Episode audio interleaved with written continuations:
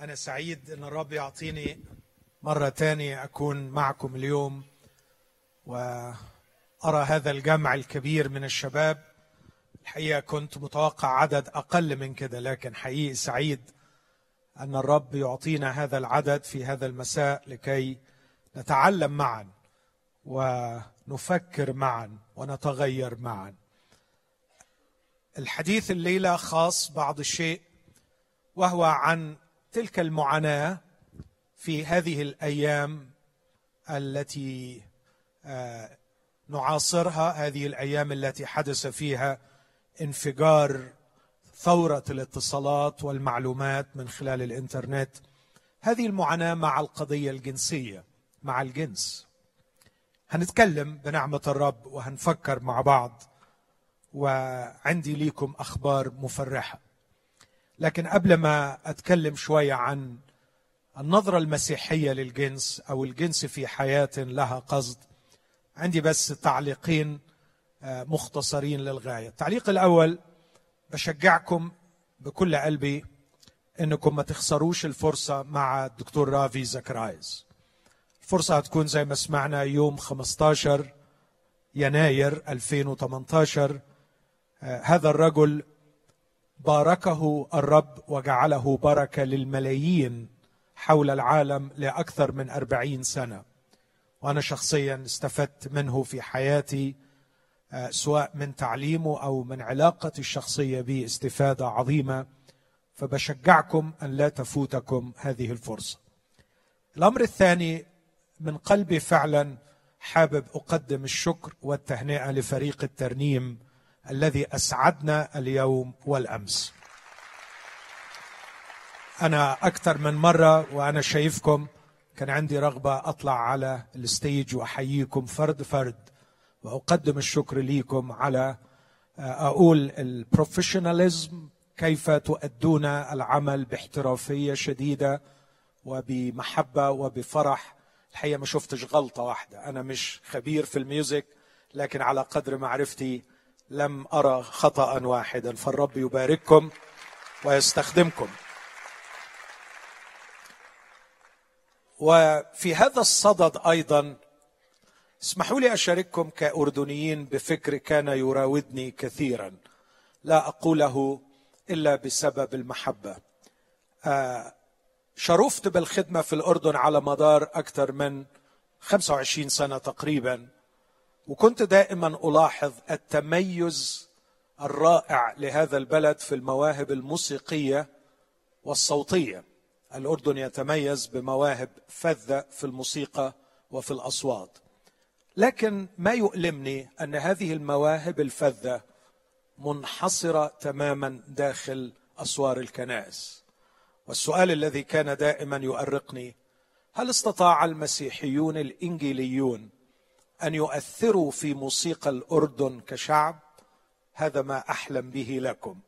أن تكون لموسيقاكم ولأصواتكم تاثيرا في الشارع وتاثيرا في الحس والتذوق الموسيقي لهذا البلد. أقول هذا لأني أؤمن بقدرة الموسيقى وقوتها على تغيير أشياء كثيرة. أمين؟ مش سامع أمين. أسمع من المرنمين أمين؟ آمين. ثانك يو خلوني أبدأ يعني طرحي وأنا أفكر معكم في قضية الجنس. باني أقول إنه أكثر شعورين بيعذبوا حياة الإنسان الشعور بالذنب والشعور بالعار الخجل شيم اند جيلت ياما تبللت وسائد في غرف مغلقة بالدموع.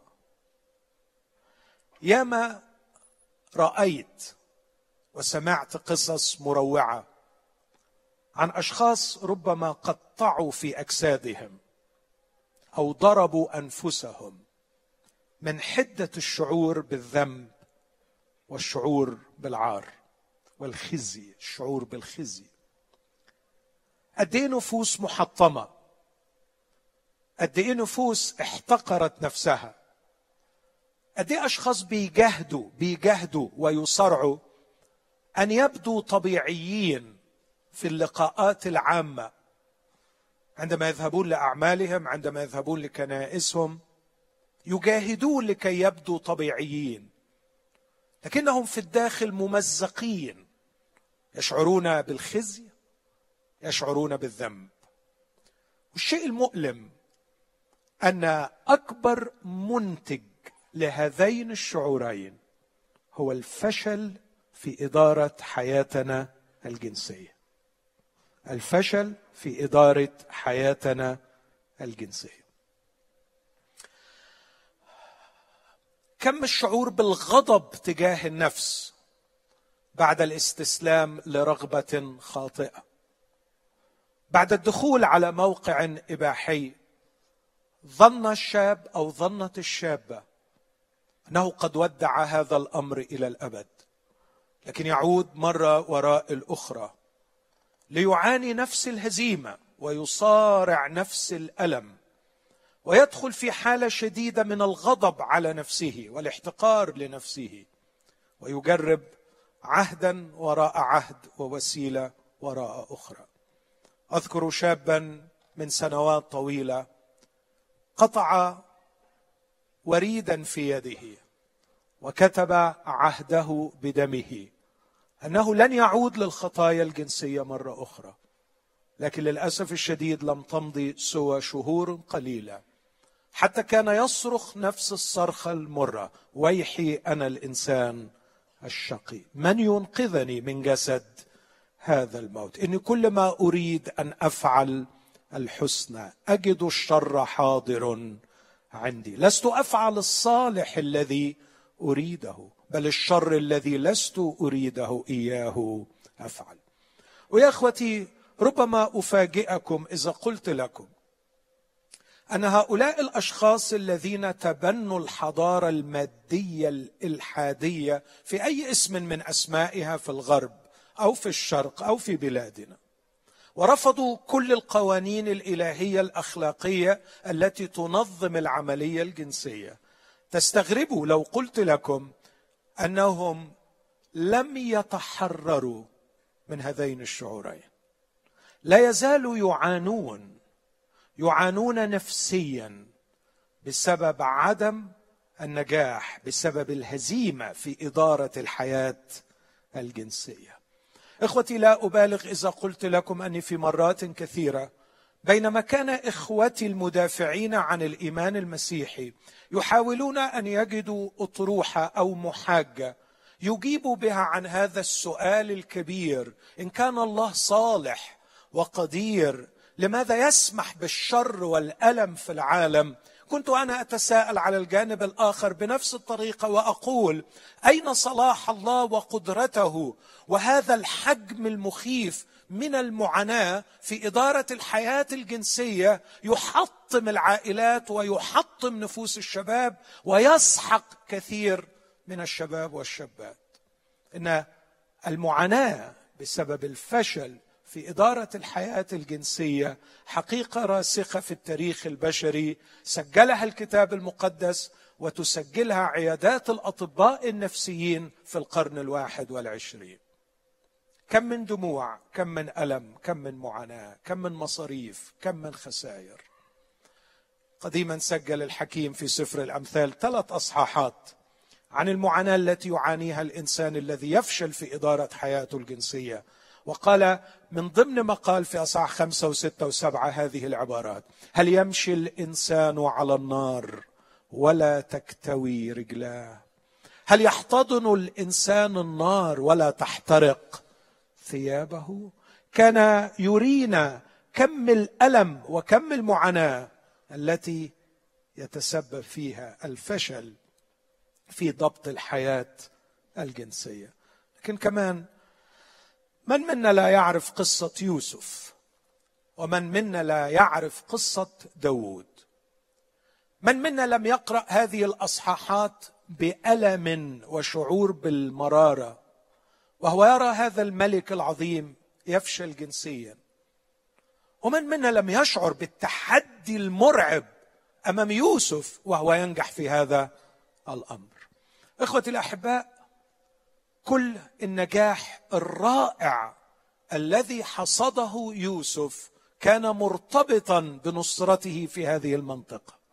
وكل الألم المروع الذي حصده داود كان مرتبطا بفشله في هذه المنطقة. أنا لا أعتقد أنه لا يوجد شخص مسيحي لا يعرف الارتباط الوثيق بين النجاح والقوة في حياة يوسف والنصرة في الحياة الجنسية. ولا أعتقد أنه يوجد مسيحي.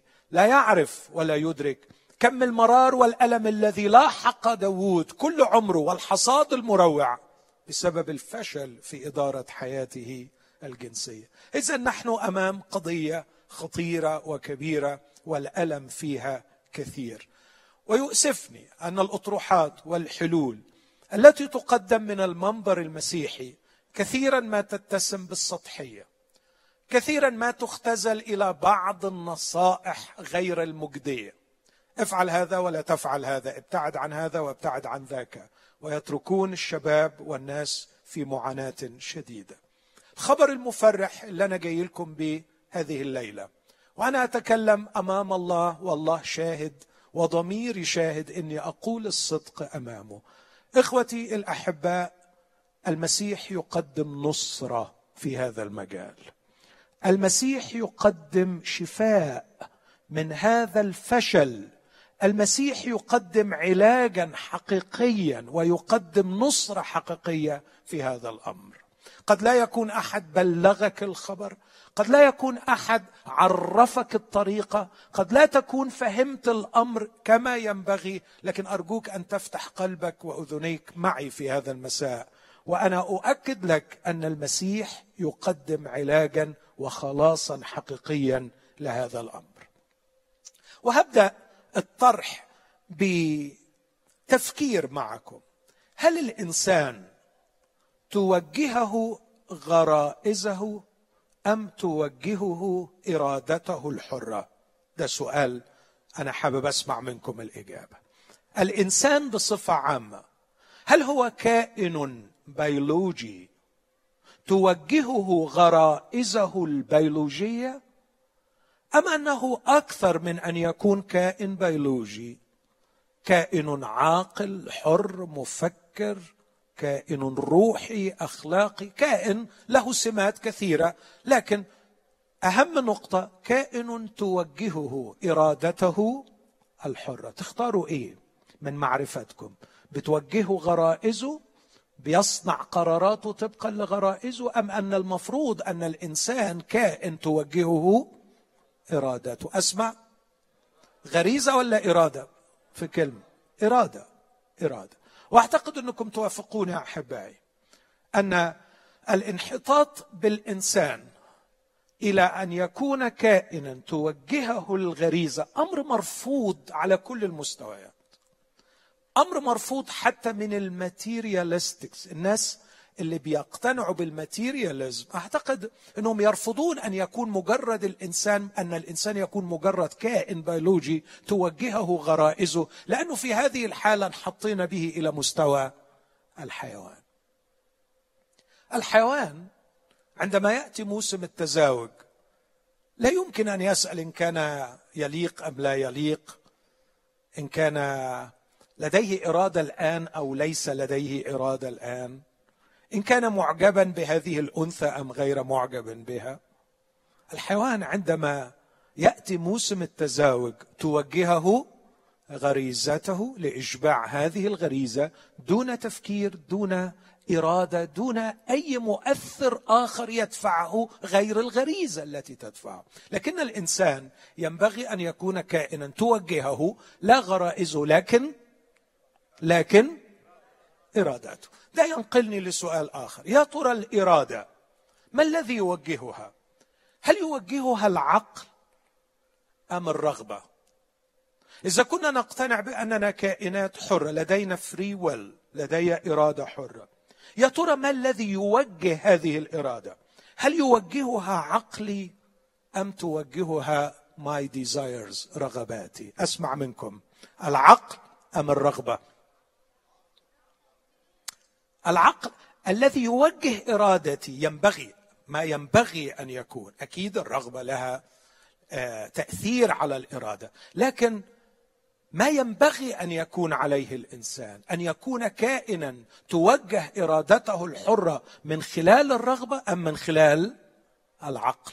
رغبة ولا عقل؟ العقل. وهنا يأتي السؤال أيضا وما الذي يوجه العقل؟ ما الذي يوجه العقل؟ أنا أعتقد أن أعظم شيء يوجه العقل هو الحق.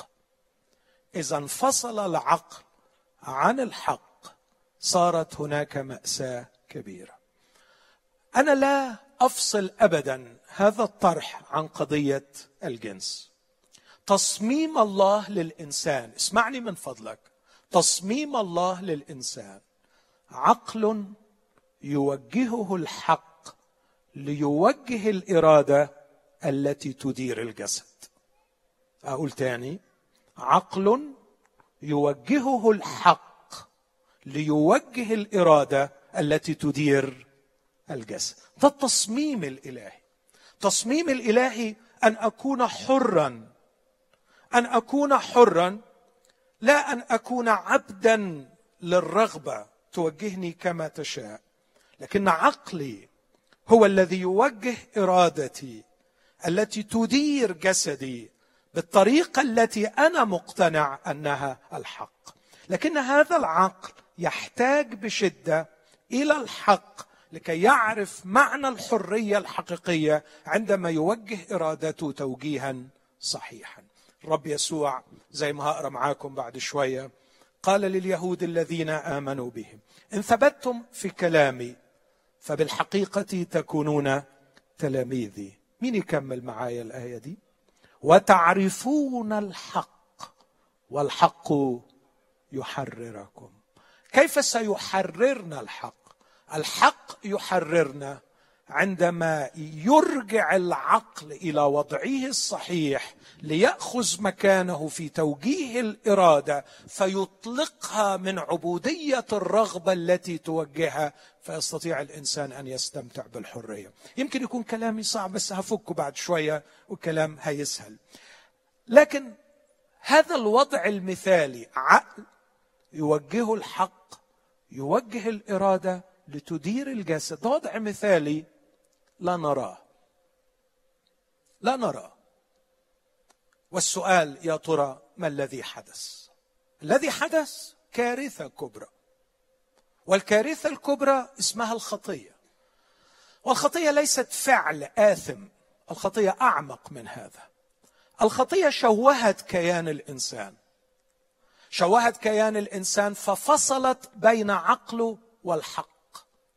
وفصلت بين ارادته وعقله وجعلت الإرادة صريعة لقيادة الرغبة.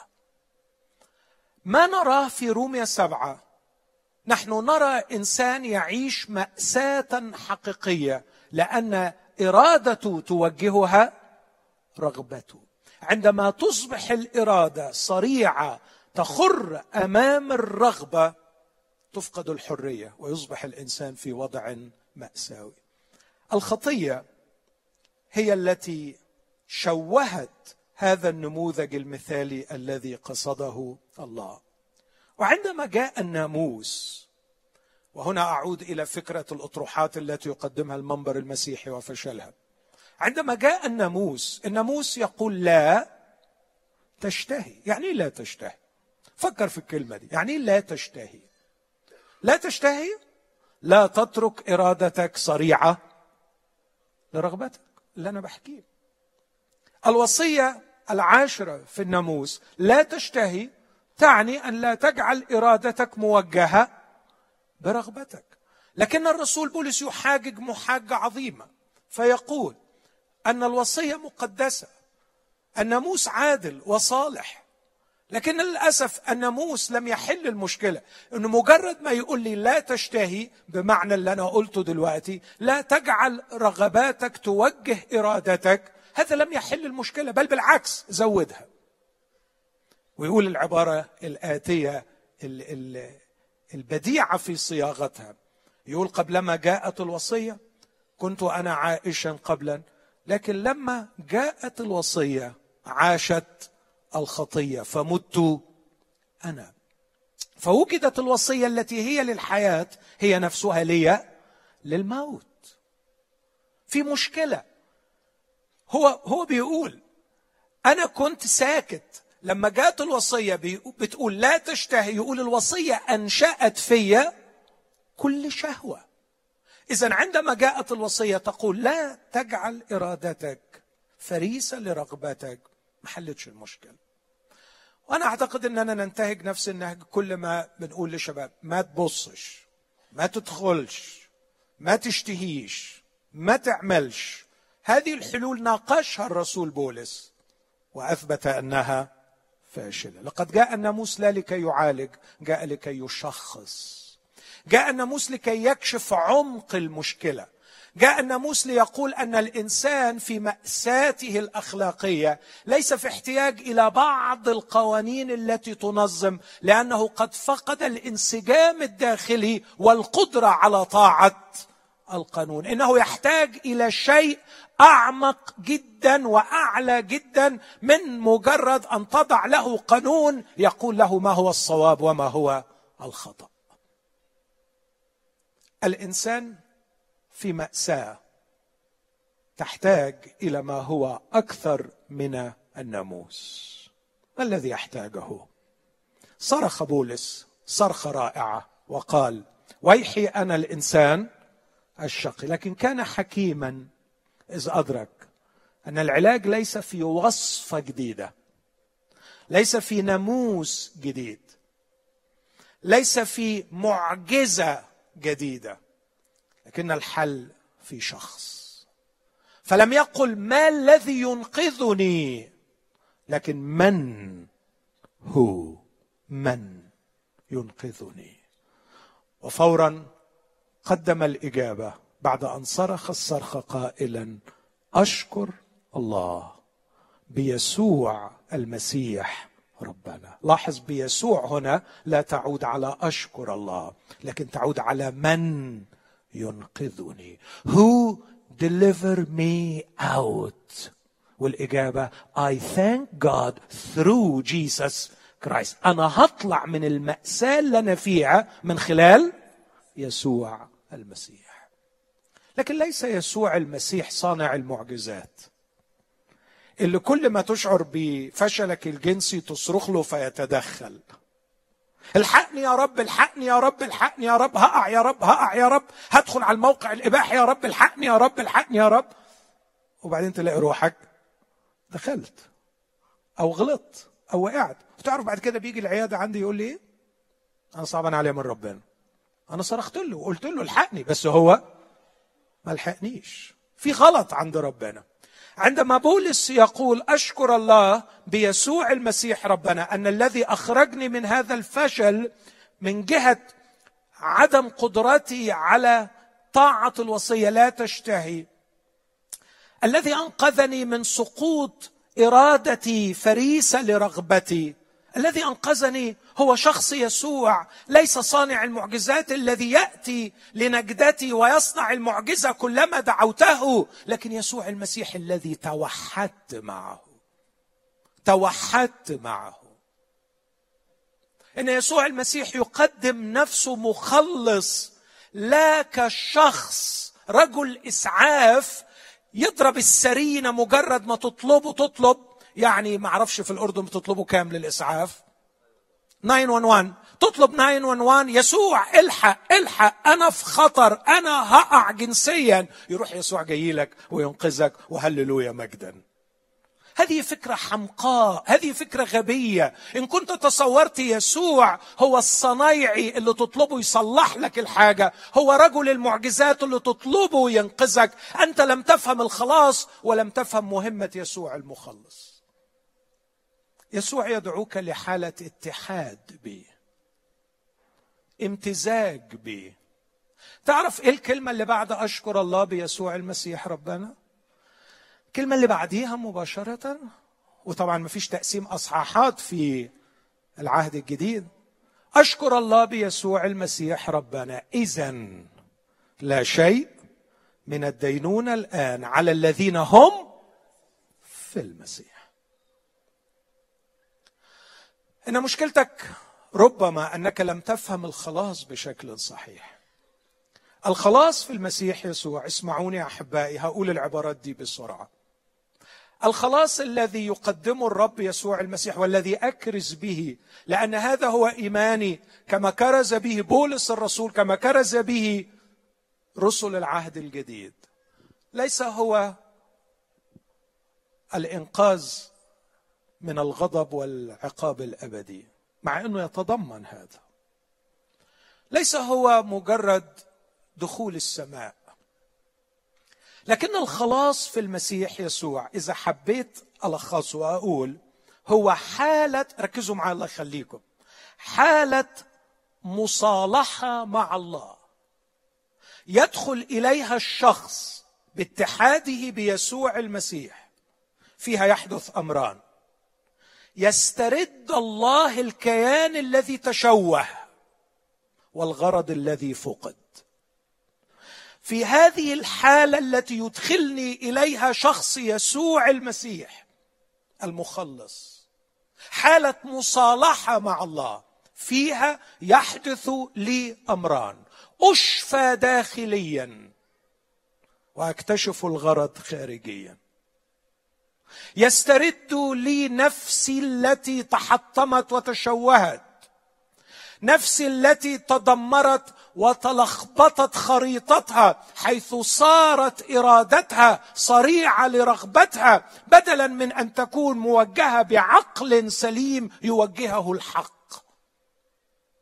تعرف من أروع الكلمات اللي ما بنفهمهاش صح في مزمور الراعي الرب راعية. فلا يعوزني شيء. يصل إلى هذه الكلمة الجميلة يرد نفسي. قول معايا العبارة دي من فضلك. يرد نفسي. يعني يرد نفسي. He will restore my soul. بيسترجع شيئا قد تشوه. يسترجع شيئا قد تدمر. إن الخطية لخبطت خريطة نفسك من الداخل. اتحادك والتصاقك بيسوع المسيح يدخلك في عملية شفاء عظيمة. بها تسترجع نفسك تسترد نفسك لكن ليس هذا فقط. ويسترد الغرض الذي من أجله قد خلقت. أعود أنا كما أرادني الله وأتمم الغرض الذي خلقني من أجله الله. وأعتقد إنه مش عايز أقف كتير عند دي. لما بتعيش من أجل الغرض اللي ربنا خلقك من أجله أنت بتدخل في حالة استمتاع أقوى من استمتاع الأورجازم. حد فاهم اللي أنا بقوله ده؟ عارف الأورجازم ده اللي هو إيه؟ النشوة الجنسية؟ عايز أقول لك إنك لما بتعيش ما خلقت من أجله وتحقق وجودك الأصيل اللي ربنا خلقك من أجله أنت بتصل إلى حالة من المتعة الشافية متعة بتشفي. تجعلك شبعانا. تجعلك مستريحا. تجعلك قادرا على إدارة جسدك. أعتقد إنه ممكن ممكن هنا النفس النفس المستردة الريستورد سول هي اللي بيقول عنها الحكيم النفس الشبعانة. تدوس العسل. يعني إيه تدوس العسل؟ تعرف كيف تقنن المتع تعرف كيف تأخذ القدر المناسب في الوقت المناسب بالطريقة المناسبة من المتعة. لا تعود تسقط صريعة الرغبة وصريعة إدمان المتع لأنها نفس مستردة. ماذا يقول عن الكتاب المقدس في مزمور 19 ناموس الرب كامل يعمل إيه؟ حد فاكر؟ يرد النفس. Restores the soul. يسترجع النفس للوضع الأصيل قبل ما تدخل الخطية وتبوظ شوارعها وتهد مبانيها وتحطمها في الداخل. ده احتياجك الأصيل. مش مجرد حرية جنسية. احتياجك الأصيل إن نفسك تسترد. ولا يستطيع أحد أن يرد النفس إلا الراعي إلا يسوع المخلص الذي مات وقام وأرسل الروح القدس لكي يسترد لنا نفوسنا.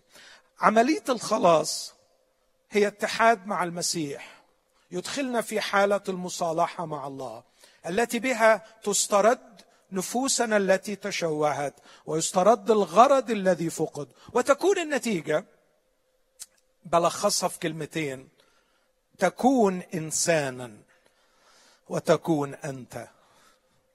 تعود لتصبح إنسانا إنسانا كما أراده الله. لكن الأمر الأجمل مش بس تكون إنسان وتكون أنت. يعني تكون أنت؟ تكون أنت اليونيك تكون أنت المتفرد تكون أنت الشخص اللي ربنا قصد إنه يكون. ما تكونش نسخة من غيرك ما تكونش مجرد رقم لكن تصبح الشخص باسمه اللي ربنا قصد إنه هو يخلقه. إذا كان ده مفهومك عن الخلاص أعتقد إنه هيبقى عندك أسئلة تقول طيب أنا مقتنع بالكلام ده. بس الحقيقة أنا لسه بعاني. ممكن واحد تاني يكون فاهم الخلاص حاجة تاني خالص. مش عايز أخد واضيع وقت في المفاهيم الخاطئة للخلاص لأن ده مش موضوعنا. لكن إذا كنت فاهم الخلاص إنه في إحدى الفرص الكرازية قلت للمسيح ارحمني عن الخاطي لمجرد إنك خايف من جهنم وعايز تروح السماء واعتبرت إن هو ده الخلاص. القصة يعني مش بالظبط كده. خلاص هو زي ما شرحته كده. لكن بعد ما تدخل في القصة دي تدخل في حالة الالتحام اسمع كلام المسيح مرة تاني اللي أنا أشرت إليه في إنجيل يوحنا أصحاح 8 قال الرب يسوع لليهود الذين آمنوا به. حد فاكر الآية اللي أنا قلتها؟ أسمع منكم بصوت أعلى شوية. برافو. قال يسوع لليهود الذين آمنوا به. عدد واحد وثلاثين. إنكم إن ثبتتم في كلامي. فبالحقيقة تكونون تلاميذي. وتعرفون الحق والحق يحرركم. ممكن نقول الآية دي مع بعض عشان أنا عايز أتحداكم بحاجة فيها. قال يسوع لليهود الذين آمنوا به نحفظ من أول اللي جاي ده إن ثبتتم في كلامي فبالحقيقة تكونون تلاميذي وتعرفون الحق والحق يحرركم. نقولها مرة كمان. إن ثبتتم في كلامي تكونون بالحقيقة تلاميذي وتعرفون الحق والحق يحرر إيه معنى الكلام ده؟ اسمعني وركز معايا. الرب يسوع غريب جدا. بيقول إنك إذا فعلا قبلتني مخلص إذا قبلتني مخلص ما هي علامة صحة خلاصك؟ ما الدليل على إنك الخلاص اللي قبلته ده ده خلاص حقيقي؟ ببساطة إنك تثبت في كلام. إن ثبتتم في كلامي فبالحقيقة تكونون تلاميذي. ما هو الدليل على أنك خلصت على أنك تلميذ حقيقي ليسوع المسيح أن ها تثبت في كلام. يعني إيه تثبت في كلام؟ لا تمسك بالعقيدة حتى الدم. لا مش كده خالص. لكن ثبتتم في كلامي كلمة ثبتتم أقمتم في كلامي. أقمتم to stay to end well إنك تعيش في الكلمة. إن ثبتتم في كلامي فبالحقيقة تكونون تلاميذي. هنا في معلومتين أرجو أنهم يكونوا وصلوا. المعلومة الأولى أن غرض الخلاص هو أن تكون تلميذا ليسوع. غرض الخلاص مش إنك تروح السماء. غرض الخلاص مش إنك تنقذ من الجحيم. غرض الخلاص إنك تصبح تلميذ ليسوع. وعلامة التلمذة الحقيقية ليسوع إنك ثابت في كلامه يعني مقيم في كلامه. كنت أنا ويوسف زميلي بنتكلم النهارده إنه كلمة تلميذ فقدت معناها لدرجة هو بيقول لي أنا بفكر نشوف كلمة جديدة. صح يوسف؟ فذكرته بدالاس ويلرد بيستعمل كلمة مش disciple بيستعمل كلمة أجمل apprentice. وكلمة apprentice دي في العربي عندنا في مصر الصبي. ما بنستعملهاش غير عن الصبي. يعني عارفين المعلم اللي في المحل النجار أو الحداد بيبقى عنده صبي. الصبي ده بيعمل إيه؟ بي watch. طول الوقت بيراقب المعلم. بيعملها إزاي؟ بيشتغلها إزاي؟ بيخلع دي إزاي؟ بيركب دي إزاي؟ وحلم حياة الصبي ده إنه يبقى في اليوم معلم. وعشان كده المسيح قال يكفي التلميذ أن يكون كمعلمه. يكفي العبد أن يكون كسيده ويكفي التلميذ أن يكون. يعني حلم التلميذ الكبير إنه يبقى زي معلمه. وأنا مين المعلم بتاعي؟ يسوع. ويبقى حلمي كتلميذ إن أنا أبقى زي يسوع. هي دي حياة التلمذة. إن غرض الخلاص النهائي هو أن تكون تلميذا ليسوع. وعلامة التلمذة هو أن تقيم في الكلمة. طب وإذا حصل كده؟ بص الكلام الجميل اللي بعديها. وأنت في هذه الحالة حالة رحلة التلمذة ليسوع فيها تقيم في الكلمة سا سا سا ستعرف الحق والحق سوف يحررك. اذا يسوع يفترض أني عندما قبلته مخلص هذا لا يعني أني تحررت من كل قيودي. أنا بقولها ومسؤول عنها. الرب يسوع يعلن أنك إذا قبلته مخلص هذا لا يعني أنك في لحظة واحدة صرت إنسانا حرا بنسبة مئة في المئة من كل الباكج اللي أنت جاي بيه من دنيتك اللي كانت ملخبطة. الرب يسوع عارف إن في بلاوي كتير جواك ومن ضمن البلاوي دي بلاوي جنسية. في حاجات كتيرة مغروسة فيك من أيام زمان من جهة الجنس. مفاهيم خاطئة وخبرات خاطئة وذكريات مؤلمة كلها تؤثر على حياتك بعدما جئت للمسيح. والمسيح بيقول لك ما تنزعجش أنا عارف الكلام ده. بس أنا عايز أسأل أنت لما قبلت الخلاص كنت قبل الخلاص عشان تريح ضميرك وتقول أنا رايح السماء ومش خايف من الجحيم؟ ولا قبلت الخلاص عشان تبقى تلميذ ليا. إذا كنت قبلت الخلاص يا حبيبي عشان تبقى تلميذ ليا دور على كوميونتي دور على مجموعة مؤمنين. انت وهم تقدروا تسكنوا في الكلمة تفهموا الكلمة تعرفوا الكلمة علشان الحق يجي لكم. وكل ما تعرفوا الحق أكتر إيه اللي هيحصل لكم؟ تتحرروا أكتر. قد أحببت يسوع كمعلم ورغبت في أن اتبعه كتلميذ. ومع إخوتي الذين يبغون نفس التلمذة نعيش معا.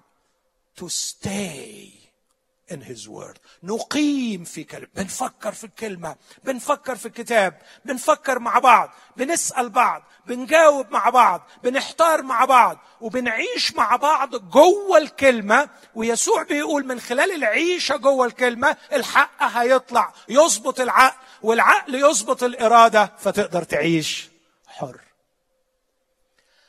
بدون كلمة الله لا حق وبدون حق لا عقل سليم وبدون عقل سليم لا إرادة حرة وبدون إرادة حرة لا توجد إلا الهزيمة أمام الرغبات الجنسية.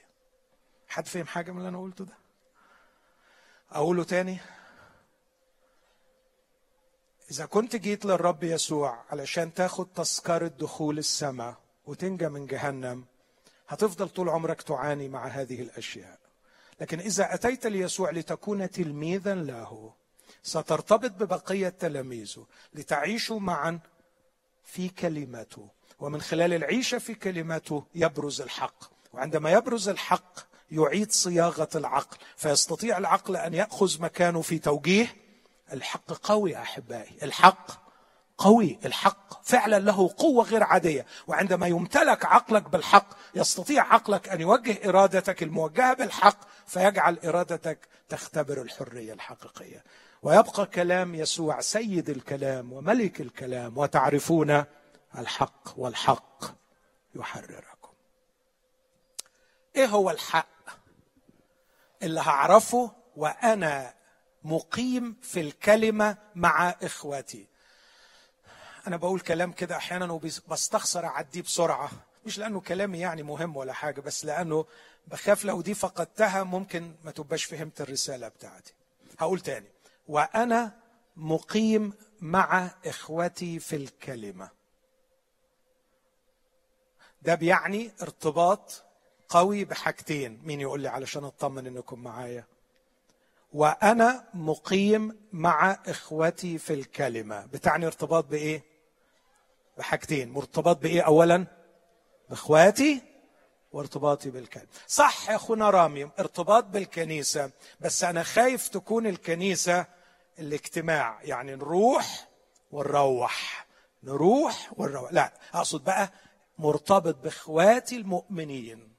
بنقعد مع بعض بناكل مع بعض نحزن مع بعض نبكي مع بعض بنفرح مع بعض بنعترف بخطايانا البعض. عايشين مع بعض بس مش عايشين مع بعض في الهوى عايشين مع بعض مش في الكلام الفارغ.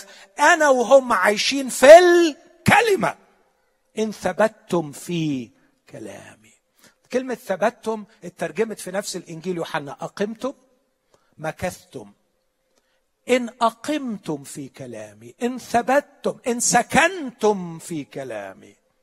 أنت وإخواتك سيبرز نور الحق. وكلما تكتشف الحق أكثر كلما تختبر الحرية أكثر. ما هو الحق الذي سيبرز من جهة القضية الجنسية؟ هعدد بعض الأشياء اللي هكتشفها كتلميذ ليسوع مع أخواتي. اولا وأنا عايش معاهم كده وفرحانين وعمالين نتعلم مع بعض ونكتشف مع بعض سأعرف حقيقة الله. سأعرف حقيقة نفسي. سأعرف الحق من جهة الآخر. سأعرف الحق من جهة الرغبة. سأعرف الحق من جهة المتعة. سأعرف الحق من جهة الحب. سأعرف الحق من جهة الجنس. سأعرف الحق من جهة الزواج. كم حاجة أنا سميتهم دلوقتي؟ ثمان حاجات. أنا محتاج عشر دقايق أتكلم عن كل واحدة من دول. لكن طبعا ما فيش وقت. بس تخيل لما تبقى عارف الحق آه في واحدة فيهم الجسد من جهه جسدي عندما اعرف الحق من جهه الله من جهه الآخر من جهه الجسد من جهه نفسي من جهه الحب من جهه الرغبه من جهه المتعه من جهه الجنس من جهه الزواج لو عرفت الحق من جهه هذه الاشياء أضمن لك بنعمة الرب. ستعيش حرا.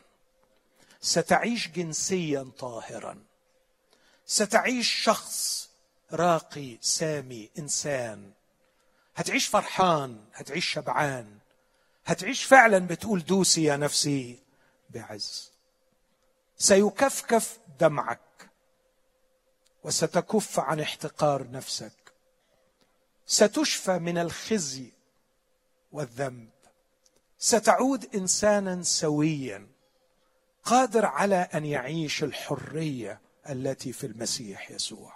هختار كم واحدة منهم عشان أكشف بس إزاي إنه من خلال الكوميونتي من خلال مجتمع المؤمنين اللي أنت هتندمج فيه ومع بعض تقيموا في الحق تختبروا الحرية. هوري إزاي إن ده يقود فعلا إلى الحرية الجنسية. بس عايز أأكد كلامي إنه لا نصره على الحياة الجنسية أو على لا نصره في إدارة الحياة الجنسية إذا لم يضبط العقل اولا. حابب تقروا معايا أعداد من رسالة أفسس أصحاح أربعة؟ الرسول بولس بيتكلم عن الخطايا الجنسية. بص كده لما أتكلم عن الخطايا الجنسية ربطها بإيه؟ في أفسس أربعة يقول في عدد 17 فأقول هذا وأشهد في الرب أن لا تسلكوا فيما بعد كما يسلك سائر الأمم أيضا. هيتكلم عن سلوك وهيتكلم عن سلوك جنسي خاطئ. بس بص بيقول إيه؟ كما يسلك سائر الأمم أيضا بإيه؟ حد سامع؟ حد شايف؟ ببطل ذهنهم. يعني إيه بطل ذهنهم؟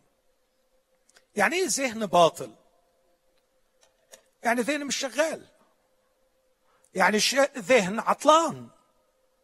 يعني ذهن لم يمارس دوره. يعني لما بيقول في سفر الجامعة باطل الأباطيل الكل. باطل. يعني ما فيش حاجة عاملة ال function بتاعتها. futility ما فيش حاجة جايبة الوظيفة بتاعتها. الذهن موضوع من أجل وظيفة عظيمة أن يوجه الإرادة.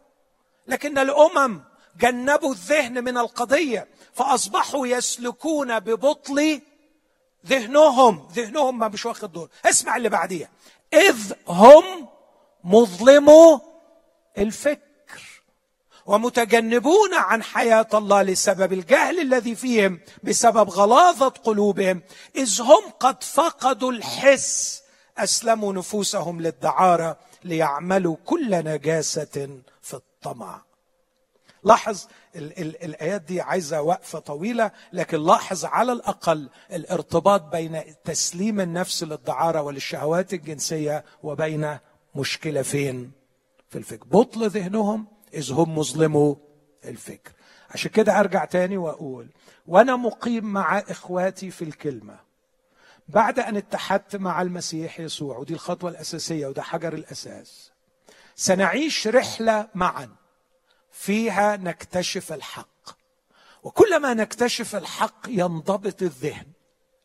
كل ما اكتشف الحق أكثر عقلي يشتغل بصورة أفضل. وكل ما عقلي يشتغل بصورة أفضل يضبط سيطرته على الإرادة أفضل. فأستطيع أن أعيش الحرية. تعرفون الحق والحق يحرركم. خليني أقول إيه الحق اللي هيطلع لي من كلمة ربنا وفعلا يسهم في حريتي من الناحية الجنسية. اولا هعرف الحق من جهة نفسي. مين أنا؟ أنا لا أستمد هويتي من my sexuality من من أنا لست كائن جنسي. أنا مرعوب من بعض المؤمنين اللي اختزلوا أنفسهم إلى كائن جنسي كأنه لو يعني يعني الحياة كلها اختزلت إلى الجنس. أنت مش كائن جنسي. أنت كائن أخلاقي كائن عقلاني كائن علاقاتي كائن روحي. أنت كائن أعظم وأوسع وأكبر من إنك تبقى يعني تختزل إلى مجرد كائن جنسي. العالم النهارده في العصر الحديث ولا سيما بعد مشكلة LGBT والمأساة اللي عايشها العالم الغربي اختزل الإنسان إلى الجنس. فما يحدد هوية الإنسان هو نوع ممارساته الجنسية. لما هرجع للرب يسوع هيبرز الحق. هسمع منه كلمات كالآتي. ماهر؟ أنت يا ابني مخلوق. على صورة الله وشبهه. أنت كائن روحي. أنت ممثل الله على الأرض لتحمل حضوره وتتمم مشيئته. كثير بعرف الإنسان هذا التعريف. أيقونة الله الحية الممثلة له والحاملة لحضوره. ده أنا. نظرتي لنفسي ستختلف لن أعود أرى نفسي مجرد كائن جنسي. يا حرام يا إما بيشبع رغباته وشعر بالذنب يا إما مش قادر يشبعها وشعر بالرثاء للنفس ويعيش في هذه المأساة. أنا أرقى من كده أكبر من كده. أنا مش عايز أخد وقت طويل. مين أنا؟ مين أنا؟ ما هو الحق من جهة أنا؟ الأمر الثاني ما هو الحق أنا بس أقول حاجة واحدة على كل واحدة. ما هو الحق من جهة الله؟ الله مش رجل الشرطة. الله مش القاضي. هو هو قاضي أكيد بس هو مش كده. مش مجرد كده. من هو الله؟ الله بالنسبة لي الله بالنسبة لي هو الأب الذي لا أستطيع أن أعيش بدونه. الله هو أبي الذي في حضنه أجد هويتي. الله هو أبي الذي بالتواصل معه أجد الشبع لحياتي. الله مش شخص بس المهم إن إحنا نرضيه علشان يعني نتجنب غضبه. لا. يقول عنه يسوع ليس بالخبز وحده يحيا الإنسان بل بكل كلمة تخرج من فم الله. خليني أربط الاثنين مع بعض. الحق من جهة نفسي والحق من جهة الله. سي إس لويس يقول عبارة كده صادمة. You don't have a soul. You don't have a soul. أنت ما عندكش نفس. تصور؟ بس يكمل بعديها يقول you are a soul. أنت مش مجرد واحد عندك نفس أنت روح أنت روح. وروح تسكن في جسد. لا تنظر إلى نفسك على أنك مجرد جسد. انظر على نفسك انظر إلى نفسك على أنك كائن روحي. الشاعر العربي يقول الشعر ده اللي دايما بكرره. يا متعب الجسم. قد أتعبت جسمك فيما فيه خسران. هل تبغي الربح؟ هل تبغي الربح فيما فيه خسران؟ أقبل على الروح واستكمل فضائلها فأنت بالروح لا بالجسم إنسان. أنت بالروح إنسان. إن الحق من جهة نفسي هو أني كائن روحي. وإذا كنت كائن روحي ليس بالخبز وحده يحيا الإنسان. ليس بالجنس وحده يحيا الإنسان. هقول تاني ليس بالجنس وحده يحيا الإنسان. الشخص اللي شايل الطين وعمال يرثل نفسه وبيندب حظه والأيام السوداء لأن عنده مشكلة في علاقته الزوجية مع امرأته فمش قادر يشبع جنسيا شايف إن دي مأساة المآسي فوق. ليس بالجنس وحده يحيا الإنسان. لقد اختزلت نفسك إلى مجرد كائن جسدي يحتاج إلى الجنس لكي يحيا. الجنس رائع وعظيم ومقدس وتصميم إلهي لكن مش هو ده اللي بنعيش بيه. ليس بالخبز وحده ليس بالجنس وحده ليس بكل ما هو مادي يحيا الإنسان لكن بالتواصل مع الله. أنا محتاج للتواصل مع الله. تواصل مع الله. اسمع بقى عبارة تانية قالها جي كي تشسترتون. اسمع عبارة غريبة صادمة. بيقول إن كل من ي... أو يعني أتحفظ على كل لكن هو ده رأيه. خلينا اصيغها بطريقة أفضل. إن رأيت رجلا يطرق باب بيت من بيوت الدعارة اعلم أنه خرج في البداية باحثا عن الله لكنه ضل الطريق. تعرف إيه معنى الكلام ده؟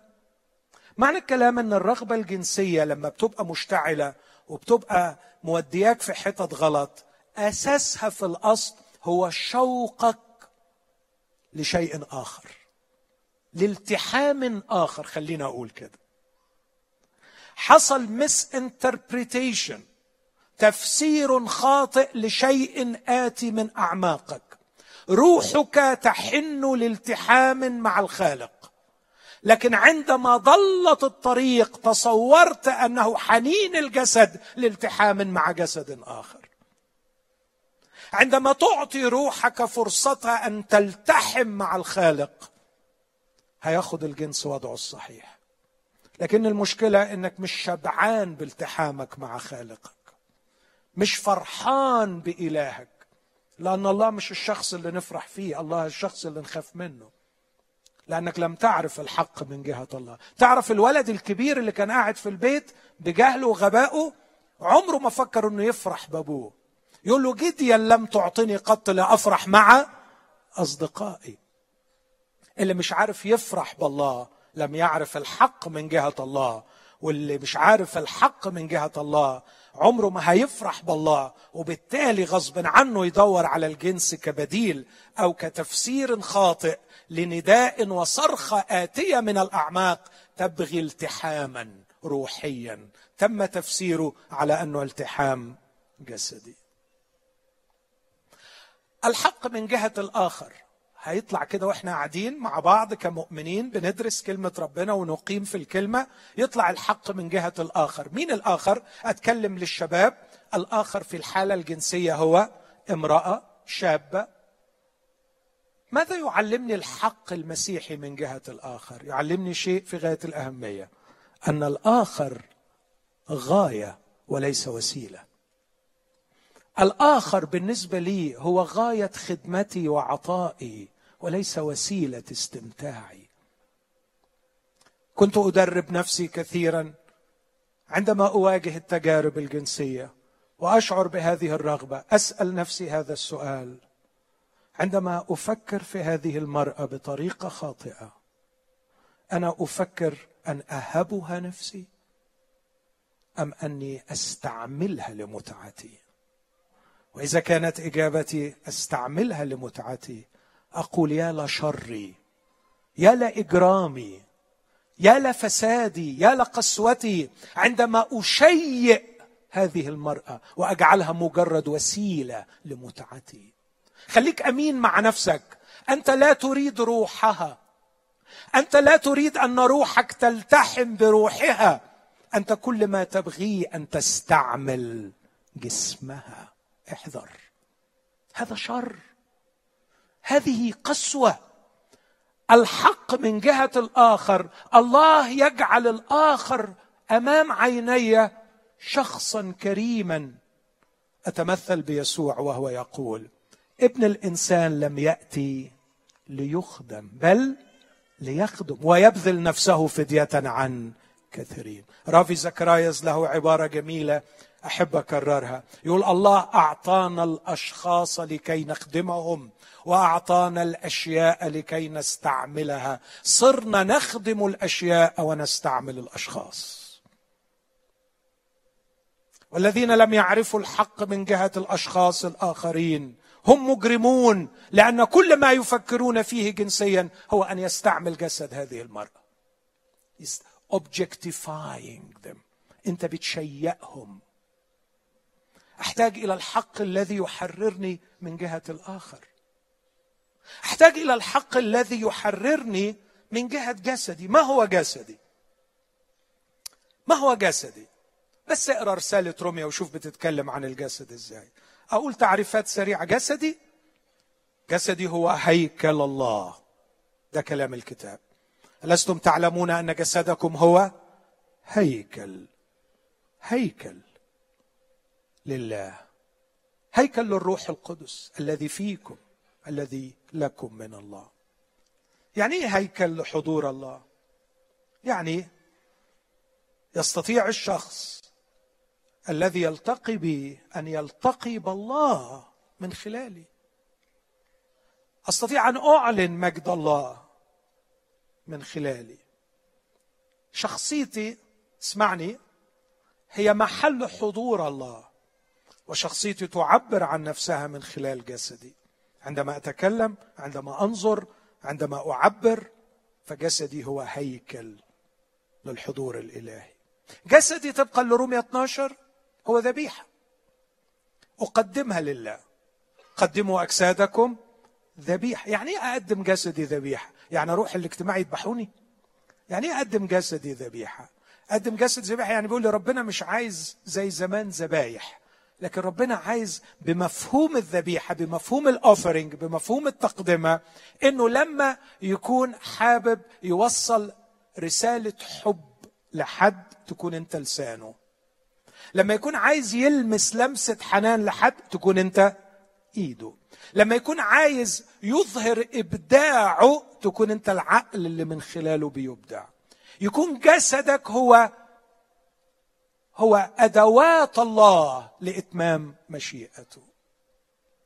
جسدي هو ترسانة أسلحة الله لهدم الظلام في هذا العالم.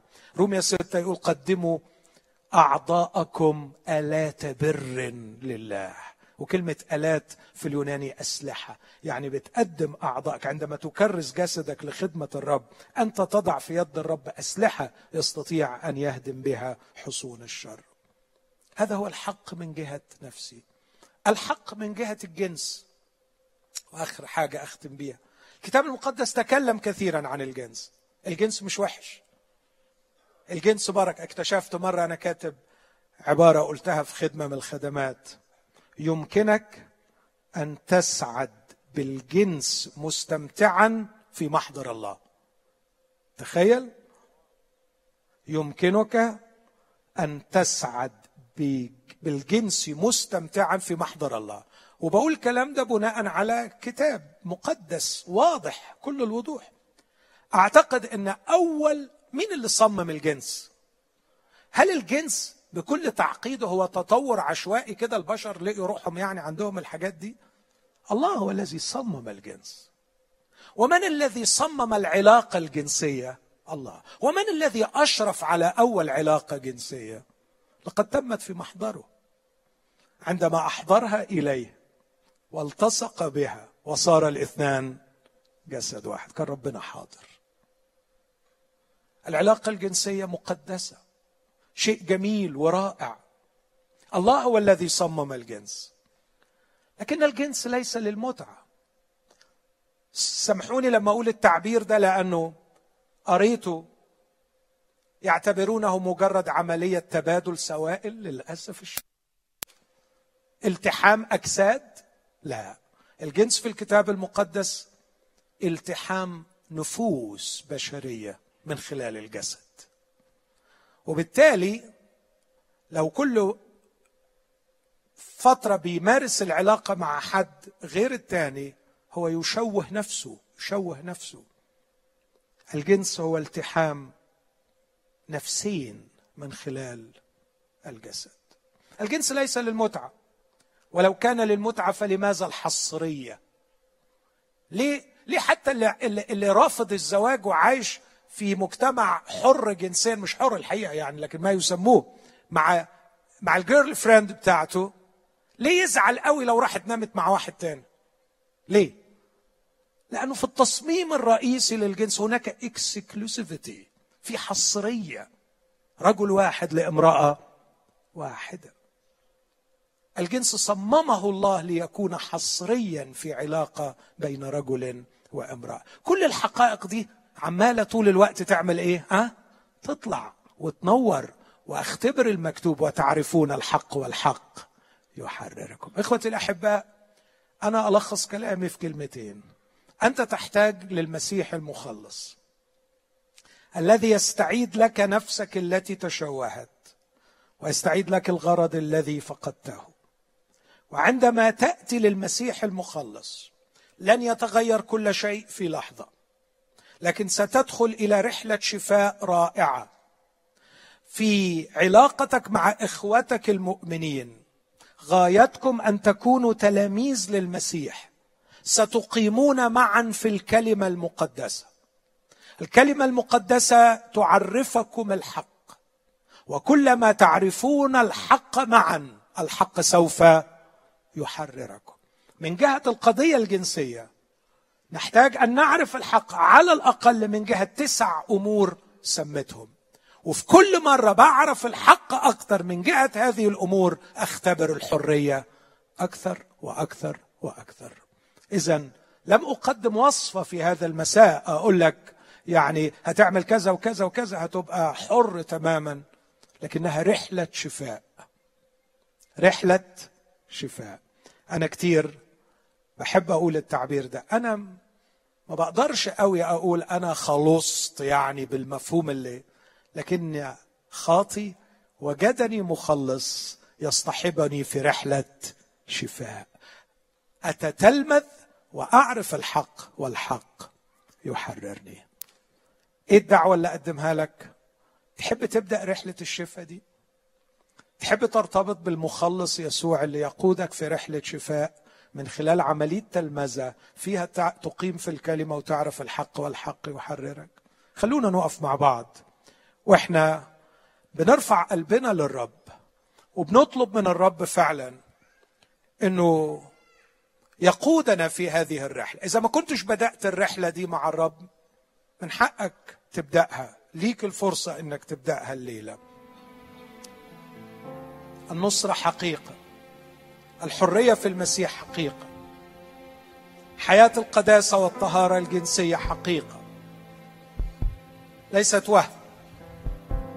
وليست شيء هناك بعيد إنها شيء واقعي يمكننا أن نختبره.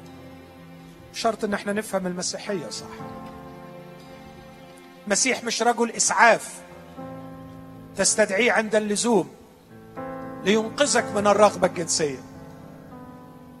المسيح حبيب ومخلص. إذا توحدت به يقودك في رحلة شفاء.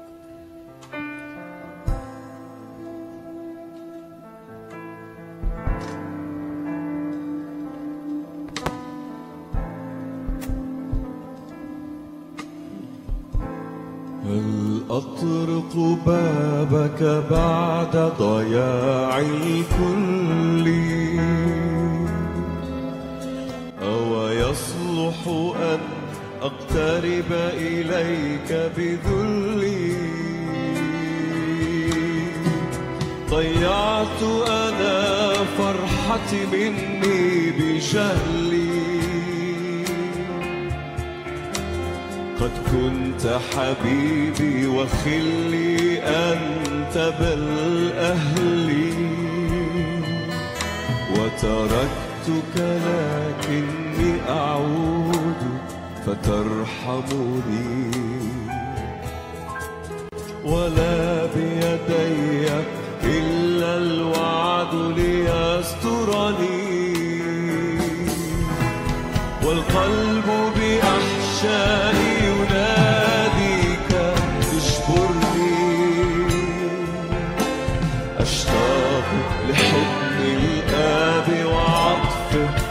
the.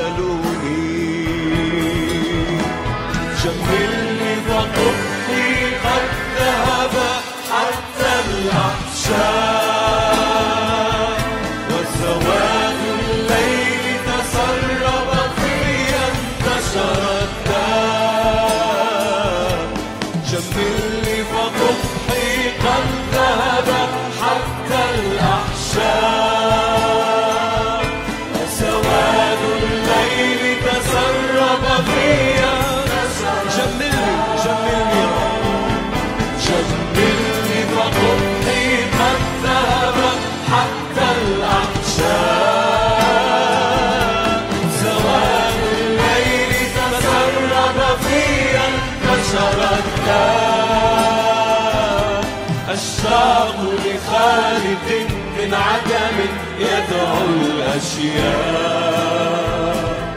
فيغير قلبي ويلبسني حللا بيضاء حللا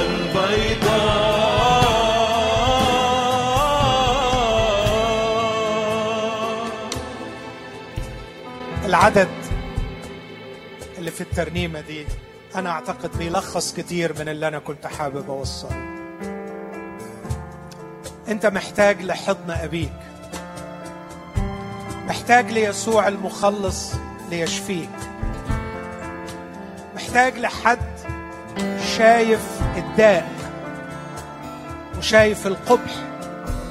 محتاج لحد يكون عنده القدرة أن يسترجع النفس التي تشوهت.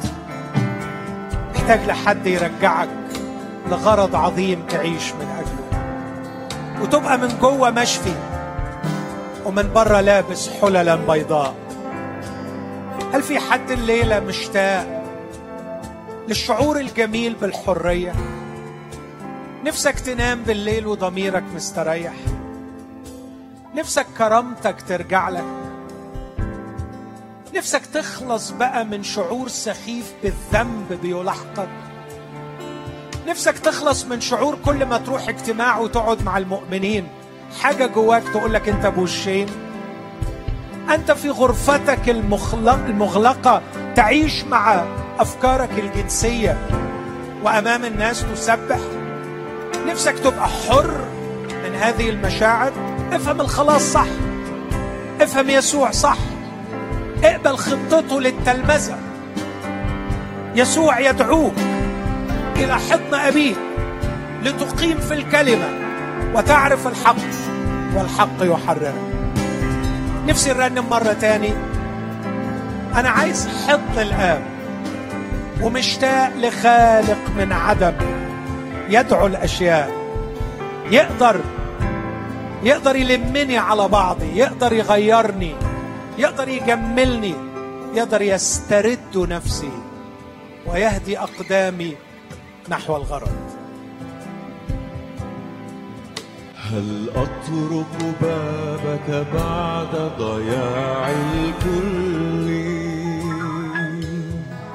أو يصلح أن أقترب إليك بذلي؟ يصلح يصلح أمين.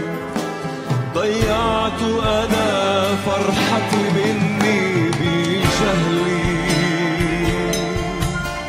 قد كنت حبيبي وخلي أنت بل أهلي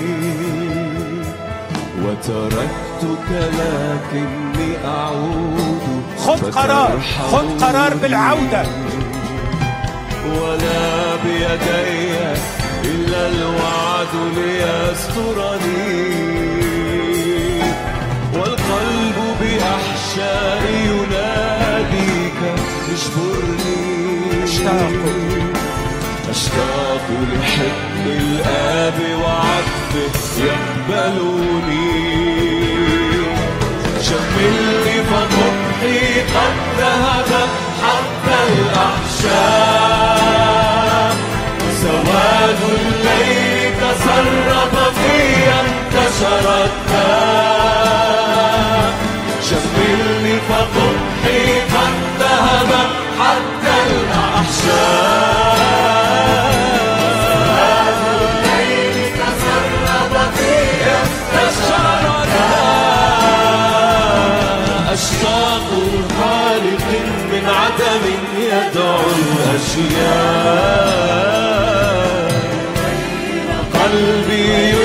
حللا بيضاء حللا بيضاء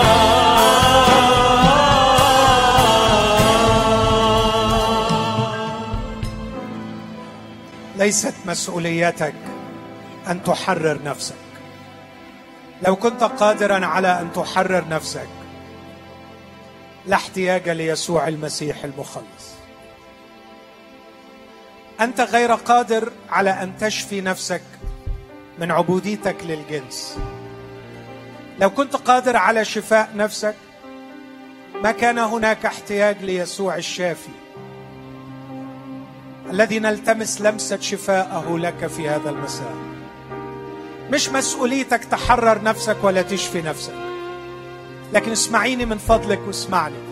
مسؤوليتك مسؤوليتك إنك تاخد قرار العودة الليلة لحضن أبيك. أقوم وأذهب إلى ابي القرار ده ما حدش هياخده لك. القرار ده ربنا مش هيجبرك عليه. بس اسمعني أقول لك الولد ده بعد ما رجع لأبوه حتى حذاءه مش هو اللي لبسه الروح. أبوه قال اجعله حذاء في رجلي. أبوك هيعمل كل حاجة بس أنت تاخد القرار. قرار بالعودة مش بقرار برفع إيد لكن قرار بالعودة للبيت. قرار عودة للبيت. البيت في إقامة إقامة في حضرة الآب. قرار بالعودة لحياة التلمذة. والإقامة في الكلمة مع إخوتك المؤمنين. تعال خذ القرار بالعودة الشاملة العودة الكاملة. تغيير نمط حياة ده تقدر تعمله. تيجي لبيت أبوك وتقيم مع يسوع في الكلمة مع بقية المؤمنين. كي تختبر الحرية والشفاء. عايز أطمنك بالنيابة عنه. واقول لك إنه مش بيحتقرك لأنك أخطأت. عايز أطمنك واقول لك إنك ما رخصتيش عليه لأنك أخطأت. مش يسوع ابدا اللي يغير حبه لينا. أو اللي يحتقرنا علشان عملنا الخطية والشر. بس كمان مش يسوع اللي يسيبنا واقعين في الوحي. يسوع لن يحتقرك ولن يحتقرك بسبب الخطية لكنه مادد إيده لينتشلك. مادد إيده ليخرجك من طين الحبة. الرب يسوع يحبك. الرب يسوع يحبك. والرب يدعوك باسمك ويدعوك باسمك. وبيقول لك خلي الليلة دي تكون ليلة نهاية الخزي والشعور بالذنب. تكون ليلة نهاية الازدواجية والصراع المؤلم. اللي مش لاقي له حل. أنا مش بوعدك إنك هتخرج من هذا المكان ومعاك الحل لكن أوعدك تخرج ومعاك الحلال اللي هيحل. مش هتخرج الليلة ومعاك الشفاء لكن هتخرج الليلة ومعاك يسوع الشافي. سيصحبك في رحلة جميلة. فيها ألم فيها معاناة بس فيها فرح وفيها انتصارات. هيلمك على بقية تلاميذه الحلوين الصادقين مش الفريسيين والناموسيين اللي هيشعروك إنهم أفضل منك. هيضمك مع مؤمنين تعبانين بيعانوا بس هتدوق معاهم أحلى أيام وأحلى حياة. وانتوا بتختبروا حضوره بينكم. سيادته عليكم. قيادة لكم. شفاء لأرواحكم. تحقيق لغرض وجودكم. يسوع أنت كل ما أريد. أنت مشتهايا أنت اللي أنا محتاجه قولها له من قلبك. وثق أنه يستجيب. واطلع من هذا المكان وانت في ايد يسوع الشافي المحرر المحب الصديق الألزق من الأخ. آمين.